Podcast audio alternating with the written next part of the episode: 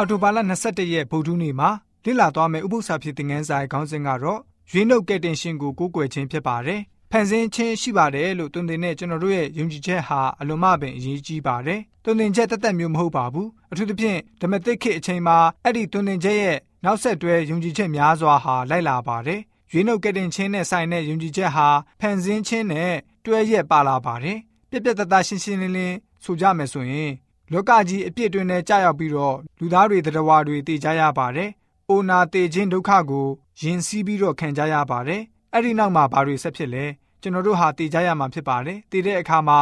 လမ်းဘေးမှာပုတ်ပွနေတဲ့တရိษံအသေးကောင်နဲ့ခြံနာခြင်းလုံးဝမရှိပါဘူး။အဆင့်ချင်းအတူတူပဲဖြစ်မှာဖြစ်ပါတယ်။တည်ခြင်းဟာဘလောက်ပဲကြောက်မက်ဖွယ်ကောင်းပါစေကျွန်တော်တို့ရဲ့ရွေးနှုတ်ကယ်တင်ခြင်းဆိုတဲ့တွင်တင်ချက်အတိအကျရှိနေပါတယ်။ လောကသားတွေကြောက်တဲ့လူသားတွေအကြောက်ဆုံးတည်ခြင်းကိုဆိုလို့ရှိရင်အောင်နိုင်တဲ့တကူရွေးနှုတ်ကယ်တင်ရှင်စီမှာရှိနေပါတယ်။အတိပ္ပယ်ကတော့ကျွန်တော်တို့မှာယေရှုခရစ်တော်ရှိပါတယ်။ယေရှုခရစ်တော်ဟာအသက်တော်ကိုစွန့်ပြီးတော့မိမိရဲ့အသက်ကိုတင်လူပူဇော်ခံပါတယ်။အသေးခံပြီးတဲ့နောက်မှာရှင်ပြန်ထမြောက်လာခဲ့ပါတယ်။အဲ့ဒီအချက်ဟာကျွန်တော်တို့ယုံကြည်ချက်ရဲ့အလယ်ဘဟုအဓိကဖြစ်ပါတယ်။ရှင်ဟန်ခရစ်ဝင်ခန်းကြီး1ငွေ1ကနေ14ကိုဖတ်ပါမယ်။ကျမ်းကျက်ရဲ့အဆိုအရယေရှုရှင်ဟာဘယ်သူဘယ်ဝါဖြစ်ပြီးတော့ ကျွန်တော်တို့အတွက်ဘယ်အမှုကိုပြုပေးပြီးပြီဖြစ်တဲ့အကြောင်းဖော်ပြထားလဲဆိုတာကိုကြည့်ကြပါစို့အစဦး၌နှုတ်ကပတ်တော်ရှိ၏နှုတ်ကပတ်တော်သည်ဖျားသခင်နှင့်အတူရှိ၏နှုတ်ကပတ်တော်သည်လည်းဖျားသခင်ဖြစ်တော်မူ၏ထိုနှုတ်ကပတ်တော်သည်အစဦး၌ဖျားသခင်နှင့်အတူရှိ၏ထိုနှုတ်ကပတ်တော်သည်ခတ်သိမ်းသောအရာတို့ကိုဖန်ဆင်းတော်မူ၏ဖန်ဆင်းတော်မူခြင်းနှင့်ကင်းလွတ်လျက်ဖြစ်သောအရာတစ်စုံတစ်ခုမျှမရှိထိုနှုတ်ကပတ်တော်၌အသက်ရှိ၏ထိုအသက်သည်လည်းလူတို့၏အလင်းဖြစ်၏ထိုအလင်းသည်မှောင်မိုက်၌လင်း၍မှောင်မိုက်သည်မခံမယူ ယောဟန်အမည်ရှိသောသူတယောက်ကိုဖျားသခင်ဆေလွတ်တော်မူ၏ထိုသူကိုလူပေါင်းတို့သည်အမိပြု၍ယုံကြည်ခြင်းသို့ရောက်မိအကြောင်းထိုသူသည်တသက်ခံဖြစ်၍အလင်းတော်၏အကြောင်းကိုတသက်ခံခြင်းကလာ၏ထိုသူသည်အလင်းတော်မဟုတ်အလင်းတော်၏အကြောင်းကိုတသက်ခံခြင်းကသာလာ၏ဟုတ်မှန်သောအလင်းမူကားဤလောကသို့ကြွလာလျက်ခတ်သိမ်းသောလူအပေါင်းတို့အားအလင်းကိုပေးတော်သူဖြစ်သည်ထိုသူသည်ဤလောက၌ရှိတော်မူပြီးဤလောကကိုလည်းဖန်ဆင်းတော်မူပြီးသို့တော်လည်းဤလောကသည်ထိုသူကိုမသိ သူသည်မိမိဒေတာအရက်သို့ကြွလာတော်လဲမိမိလူမျိုးတို့သည်သူ့ကိုလက်မခံမဲနေကြ၏ထိုသူကိုလက်ခံသည်များသောသူဒီဟုသောကိုတော်ကိုယုံကြည်သောသူတို့အားဖျားသခင်၏သားဖြစ်ရသောအခွင့်ကိုပေးတော်မူ၏ထိုသားတို့မူကားလူမျိုးနှင့်ဆက်ဆံ၍ဖွာသောသားမဟုတ်မိဒုံတန်ဝါဒအဖျင်ဖွာသောသားမဟုတ်လူအလိုအလျောက်ဖွာသောသားမဟုတ်ဖျားသခင်ဖွာတော်မူသောသားဖြစ်သည်နှုတ်ကပတ်တော်သည်လည်းလူစားတိအဖြစ်ကိုခံယူ၍ကျေးဇူးတော်နှင့်၎င်း တစ္ဆာတော်နှင့်၎င်းပြည့်စုံလျက်ငါတို့တွင်တည်နေတော်မူသည်ဖြစ်၍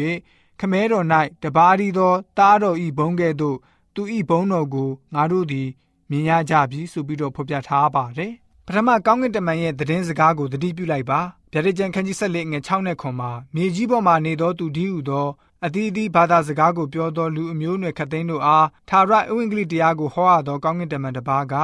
ထာဝရဘုရားကိုကြောက်ရွံ့၍ချီးမွမ်းကြလော့တရားစင်တော်မူသောအချိန်ရောက်လာပြီ ကောင်းကင်မြေကြီးသမုတ်တရားနှင့်ဆင်းရဲတွင်တို့ကိုဖန်ဆင်းတော်မူသောဖျားရှင်ကိုကိုးကွယ်ကြလော့ဟုကြီးသောအတန်နှင့်ပြောဆို၍ကောင်းကင်အလယ်၌ပြန်ဝဲလျက်ရှိသည်ကိုငါမြင်၏ဆိုပြီးတော့တွေ့ရပါတယ်။ထာဝရအဝိင်္ဂလိတရားဟာဖျားရှင်ကိုဖန်ဆင်းရှင်ဖြစ်ပါတယ်လို့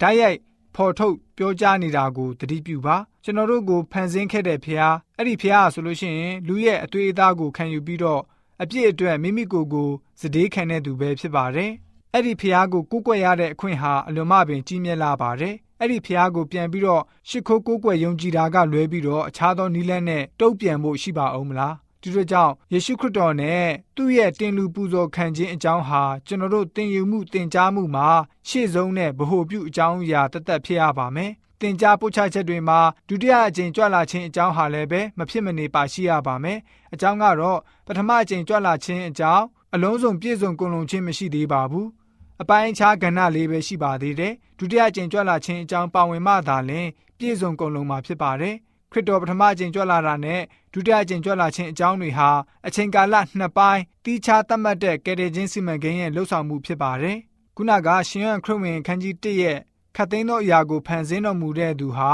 ကျွန်တော်တို့အတွက်လက်ဝါးကတိုင်ထက်မှာအသေးခံတဲ့သူပဲဖြစ်ပါတယ်။ ဒီလိုကြောင့်ကျွန်တော်တို့ယုံကြည်သူများအနေနဲ့ကျွန်တော်တို့အတွက်ကယ်တင်ခြင်းကိုပေးခဲ့တဲ့ယေရှုခရစ်တော်ကိုသာလျှင်ဝတ်ပြုကိုးကွယ်တဲ့ယုံကြည်သူတွေဖြစ်စေဖို့အတွက်ရွေးနှုတ်ကက်တင်ရှင်ကိုကိုးကွယ်ခြင်းဆိုတဲ့အကြောင်းအရာအဖြစ်ဗုဒ္ဓနေ့ဥပုသ္စာဖြစ်သင်ခန်းစာကဖော်ပြထားပါတယ်။